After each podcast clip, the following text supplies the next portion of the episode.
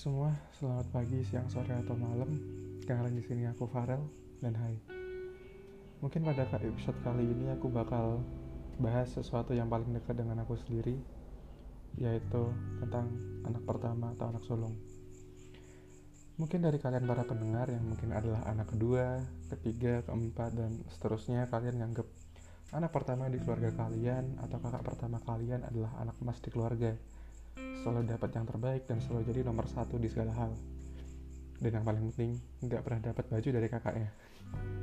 Tapi tau gak sih dari kalian di balik semua hal itu mungkin ada beberapa hal yang nggak bisa atau jarang orang lain tahu dari anak pertama.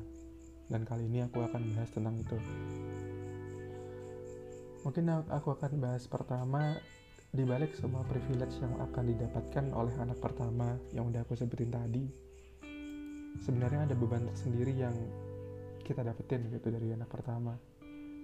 Karena orang tua kita udah ngasih kita yang terbaik udah jadikan kita anak emas istilahnya dan menjadi yang nomor satu ada beban tersendiri yang kita pikul yaitu bagaimana kita bisa balikin apa yang udah kita dapat gitu dari orang lain. Gimana caranya agar harapan-harapan dari orang tua terutama bisa kita wujudin dan itu gak gampang. Dan tiap orang tua kadang mimpi untuk anak-anaknya itu berbeda.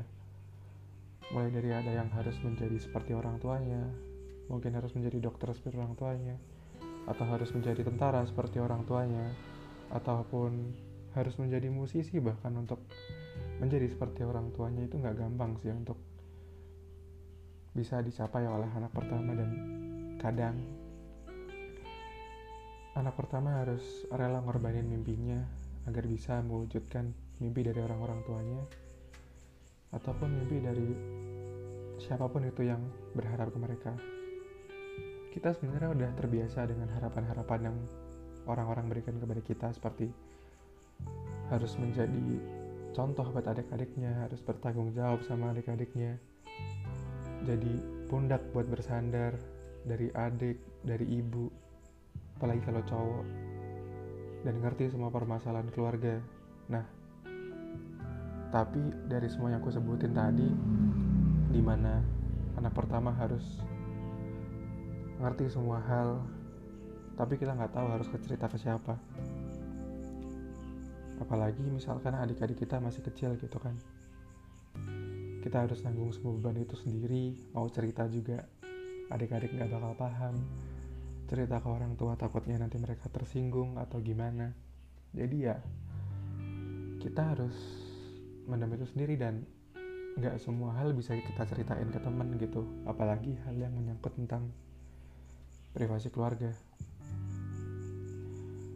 Dan kadang-kadang yang sedihnya itu anak pertama harus ngerelain mimpinya sendiri agar mimpi-mimpi yang orang lain bebankan kepada kita itu bisa terwujud.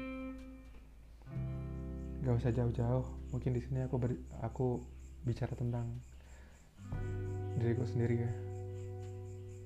Sebenarnya aku pengen banget masuk ke jurusan psikologi. Namun sebenarnya dari ayahku pengen aku masuk ke akademi polisi maupun akademi militer. Cuma uh, jujur aku nggak sanggup dan itu bukan bidangku gitu.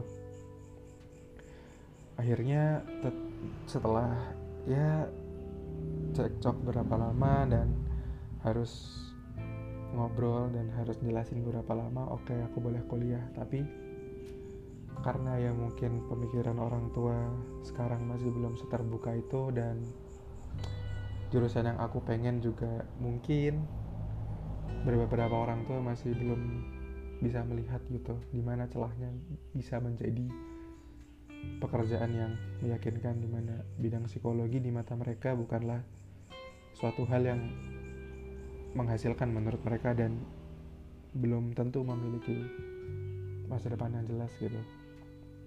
Jadi aku harus ngelepasin jurusan psikologi itu kalau misalkan aku pengen kuliah dan ya itu salah satu mimpiku yang sampai sekarang. Dan mungkin gak bakal bisa tercapai lagi. Masih banyak di sana anak-anak pertama yang mungkin harus melepas mimpinya yang jauh lebih besar daripada aku. Jauh lebih besar dari sekedar jurusan mungkin. Mimpi-mimpi mereka untuk menjadi apa pun yang mereka mau harus mereka kubur dalam-dalam gitu untuk bisa mengabulkan permintaan ataupun mimpi-mimpi orang tua mereka gitu. Dan untuk adik-adik di sana yang mungkin kalau mungkin anak kedua dan seterusnya dibalik semua yang kalian iriin ya misalnya seperti yang udah aku sebutin tadi ya mungkin ada beberapa hal yang kakak kalian gak bisa omongin ke kalian gitu karena mungkin mereka gak mau juga kalian jadi kepikiran dan ataupun mereka takutnya kalian belum cukup dewasa untuk memahami itu semua.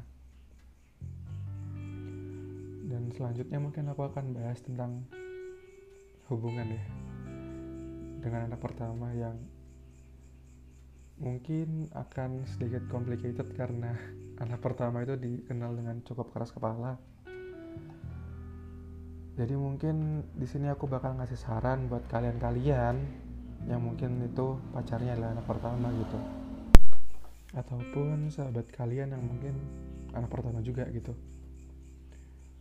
Uh, saranku yang pertama mungkin kalian bisa jadi tempat cerita mulai dari cerita nggak penting cerita konyol sampai cerita yang mungkin hanya diceritain buat kalian ataupun rahasia-rahasia mereka gitu karena ya mereka nggak tahu lagi gitu mau cerita ke siapa gitu.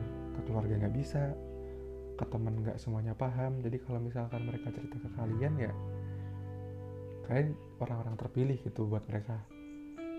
Lalu yang kedua mungkin bisa nenangin ya nenangin waktu mikir misalnya mereka overthinking karena ya kayak aku sebutin tadi pikiran mereka tuh banyak gitu. Gimana caranya biar bisa jadi anak pertama yang diidam-idamkan semua orang gitu.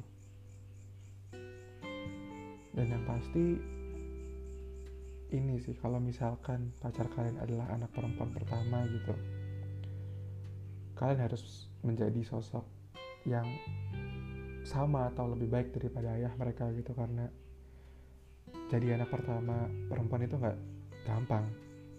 Aku punya beberapa sahabat anak pertama cewek dan ya aku tahu mereka gak gampang untuk ngabulin semua mimpi-mimpi itu dan harus menjadi seorang perempuan yang di mana di society sekarang mereka nggak diuntungkan. Itu susah men. Jadi ya gitu. Mungkin cukup untuk episode kali ini di mana aku baca tentang anak pertama. Mungkin kalau yang ingin nambahin bisa langsung DM aja ke IG atau ke mana pun. Aku open dan mungkin itu aja yang bisa aku sampaikan tentang ke anak pertamaan ini. Jika ada kurang dan salahnya aku mohon maaf. Dan bye bye